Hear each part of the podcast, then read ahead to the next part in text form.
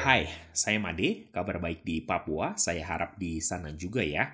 Episode ke-32 kali ini saya ingin membahas tentang resesi 2023. Kalau bicara resesi 2023, framing media dan media sosial mengatakan bahwa dunia akan mengalami resesi di 2023 Pak Jokowi dalam rapat koordinasi nasional investasi di Jakarta bulan November lalu dan beberapa jumpa pers pun menyatakan bahwa 2023 adalah tahun yang gelap bagi dunia.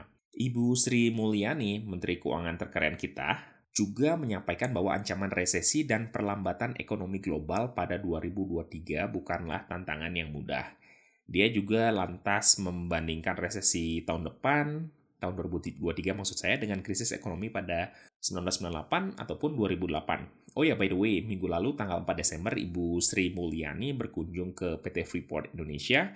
Saya berkesempatan menemani beliau ke tambang GBC maupun di OB4 atau Office Building 4 di unloading station GBC 2760 level, saya sangat excited dengan kepribadian beliau yang cerdas dan kritis. Saya sempat berdiskusi dengan beliau kurang lebih beberapa menit terkait seberapa kuatnya finansial Indonesia. Dan beliau juga menanyakan ke saya, are you happy? Tentu saya jawab, sangat happy Bu. Dia juga berpesan ke saya, jangan pernah menyerah dan putus asa untuk mencintai Indonesia. Oke, kembali ke resesi resesi itu terjadi saat aktivitas ekonomi mengalami penurunan yang signifikan dalam waktu stagnan dan lama, mulai dari berbulan-bulan hingga bertahun-tahun. Keadaan itu terus menimbulkan dampak dalam kehidupan masyarakat tentunya. Pada umumnya, resesi terjadi saat ekonomi di suatu negara tumbuh negatif pada dua kuartal beruntun. Ini tentu akan menghambat PDB. Ini terjadi karena tekanan inflasi harga energi dan pangan. The Fed atau Federal Reserve System yaitu Bank Sentral Amerika Serikat dan ECB atau European Central Bank itu menaikkan suku bunga acuan. Tren ini tentu memberikan dampak ke negara kita. Bank Indonesia pun sudah menaikkan suku bunga menjadi 4,25 persen. Inflasi kita per Oktober kemarin adalah 5,7 persen. Ini terjadi karena gangguan rantai pasok sehingga kenaikan harga komoditas global menyebabkan tren inflasi merangkak naik. Nah, tadi kita sebut PDB, indikator penurunan ekonomi suatu negara dilambangkan oleh PDB atau Produk Domestik Bruto. Itu adalah nilai keseluruhan semua barang dan jasa yang diproduksi suatu negara dalam suatu waktu tertentu biasanya satu tahun. Jadi, rumus simpelnya adalah PDB itu sama dengan konsumsi, ditambah investasi, ditambah pengeluaran pemerintah, ditambah ekspor, dan dikurangin impor. PDB Indonesia di tahun 2021 itu 16.970 triliun. Itu termasuk ke dalam eh, uh, 20 negara tertinggi di dunia. Karena itulah kita masuk ke dalam G20. G20 adalah kumpulan negara dengan kekuatan ekonomi terbesar di dunia. Saat ini posisi kita berada di urutan ke-16 kalau nggak salah. Secara general, Indonesia menurut saya akan selamat dari resesi karena tingginya konsumsi dalam negeri ideologi kita juga mempunyai peran penting dalam hal ini, yaitu Pancasila, yang mana keadilan dan kemakmuran rakyat. Resesi itu terjadi seperti siklus ya, tahun 98, tahun 2008, 2013. Khusus untuk tahun 98 itu resesi ditambah dengan krisis politik, jadi ekonomi kita cukup jatuh uh, tersungkur ke bawah. UMKM itu landasan ekonomi dalam negeri. Jadi kadangkala bencana di negara lain menjadi berkah di negara sendiri. Um, dengan adanya UMKM, kita bisa memproduksi bahan dasar kebutuhan dalam negeri di dalam negeri. Ini tentu akan membuat perputaran uang. Pertumbuhan Indonesia itu tumbuh 7% kalau kita lihat di berita ya. Jadi sebenarnya tidak perlu dikhawatirkan. Kalau kita melihat Eropa, mereka saat ini mengalami krisis energi karena adanya embargo akibat perang Rusia dan Ukraina. Jadi salah satunya adalah batu bara diekspor ke Eropa karena mereka tidak dapat sumber batu bara dari negara sekitarnya. Kemudian kita lihat di startup. Saat ini terjadi badai PHK. GoTo bahkan melay-off sekitar 10% atau 12% dari karyawannya. Nah, bagaimana dengan tambang?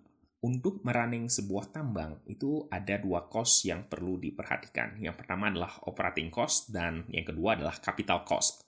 Menurut SRK Mining 2016, ini sebuah konsultan, operating cost itu dapat dibagi menjadi 13% technical overhead, itu untuk manajemen, administration, 13% untuk direct mining, lateral development, shotcrete, dan lain-lain, 11% untuk indirect mining seperti raise, shaft, dan lain-lain, 6% itu untuk haulage dan crushing, 5% untuk power, 19% untuk maintenance, dan yang paling besar adalah 33% itu dari labor ataupun dari salari karyawan. Ancaman resesi global ini bisa menekan penerimaan pajak pada tahun depan, utamanya pada sektor yang berkaitan dengan kegiatan ekspor, di antaranya ekspor yang berhubungan dengan sektor pertambangan dan industri pengolahan.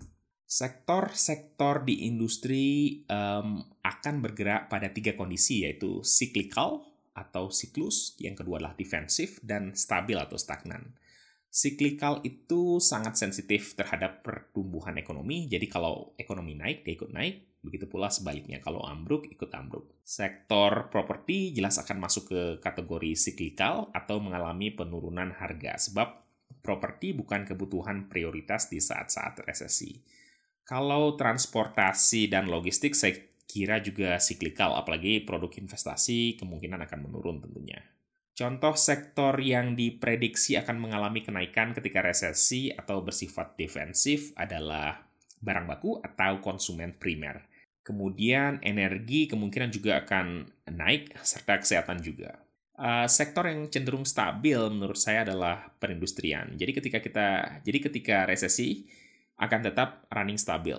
Namun bisa saja sedikit turun sektor konsumen non-primer seperti teknologi dan infrastruktur juga akan tetap stagnan karena fondasinya cukup kuat. Untuk sektor pertambangan, uh, tambang base metal ada dua yang outliers, yaitu copper atau tembaga dan zinc, karena kebutuhan electric vehicle. Tembaga tidak akan imun dari penurunan permintaan, namun dengan ini perlu diwaspadai karena penurunan permintaan akan menimbulkan penurunan produksi juga ya, sehingga bisa mencapai ke level equilibrium. Cara perusahaan tambang untuk survive di resesi tentu akan mengurangi operating cost. Jadi biasanya sebelum PHK, tentu perusahaan biasanya akan melakukan inisiatif cutting cost. Mulai dengan hiring freeze, tidak memperlakukan overtime, merubah jam kerja baru, sehingga langkah terakhir adalah pengurangan labor atau PHK. Pertanyaan yang perlu ditanyakan kepada perusahaan untuk menghadapi resesi adalah yang pertama, seberapa kuat kondisi finansial perusahaan. Yang kedua, seberapa lincah atau efektif gerakan sebuah organisasi perusahaan tersebut. Apakah organisasi berat di manajemen atau berat di uh, di bawahnya. Kemudian yang ketiga adalah seberapa kompetitif produk atau service kita. Dan yang terakhir adalah seberapa value produk ke customer yang membutuhkan. Nah, kita sebagai miner, apa yang bisa dilakukan untuk menghadapi resesi. Yang pertama adalah stay liquid. Jadi aset yang kita punya akan kena dampaknya tentu saja. Liquid itu termasuk dalam cash, deposito, saham. Um, yang illiquid itu termasuk properti atau NFT. Jadi untuk saat ini mungkin kita perlu pindahkan aset illiquid ke yang liquid. Jadi ketika ada opportunity contoh harga saham turun, harga kripto turun, kita bisa masuk segera. Jadi kita perlu stay liquid untuk aset kita dan stay di low risk asset. Jadi aset-aset yang nggak fluktuatif. Yang kedua, kita mem perlu memplankan utang kita. Liabilitas itu adalah counterpart dari aset. Jadi suku bunga naik, tentu cicilan akan naik juga. Untuk teman-teman yang punya KPR, ini pasti akan kena. Jadi untuk saat ini sebaiknya jangan nambahin hutang konsumtif dulu. Namun untuk utang produktif, kita harus do our homework dulu. Jadi apakah bisnis kita akan sustain selama di resesi ini? Kalau ada utang yang bisa dilunasin, silahkan dilunasin. Ada dua metode untuk melunaskan utang.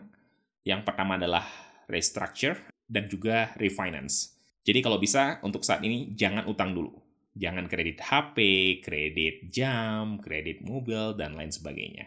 Yang ketiga, protek diri kita. Ada dua cara memprotek diri kita. Yang pertama adalah dana darurat. Siapkan dana darurat mulai dari tiga kali pengeluaran bulanan hingga 12 kali pengeluaran bulanan. Yang kedua adalah asuransi. Ikuti itu semua asuransi mulai dari asuransi kesehatan, asuransi kritis, dan juga jiwa.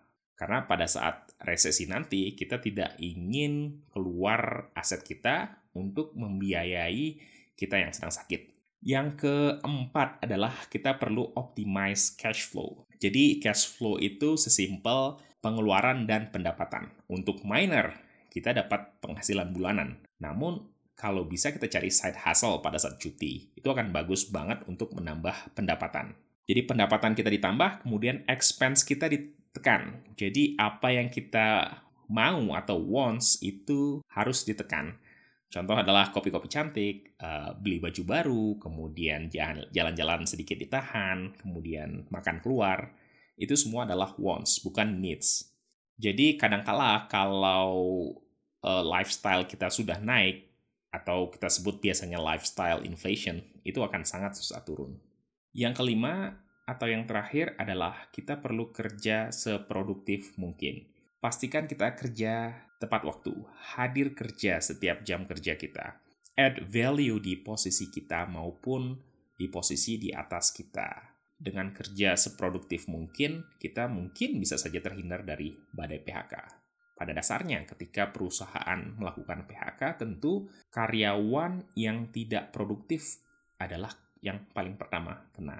Jadi, tahun depan ada resesi atau tidak, itu tergantung percaya atau tidak itu tergantung diri sendiri. Namun bagaimanapun juga kita perlu bersiap. Pelajaran yang terpenting dari hidup saya adalah plan for the best, prepare for the worst. Oke, sekian episode kali ini. Kalau teman-teman merasa episode ini bermanfaat, bisa di-share ke teman-teman yang lain. Terima kasih, selamat weekend.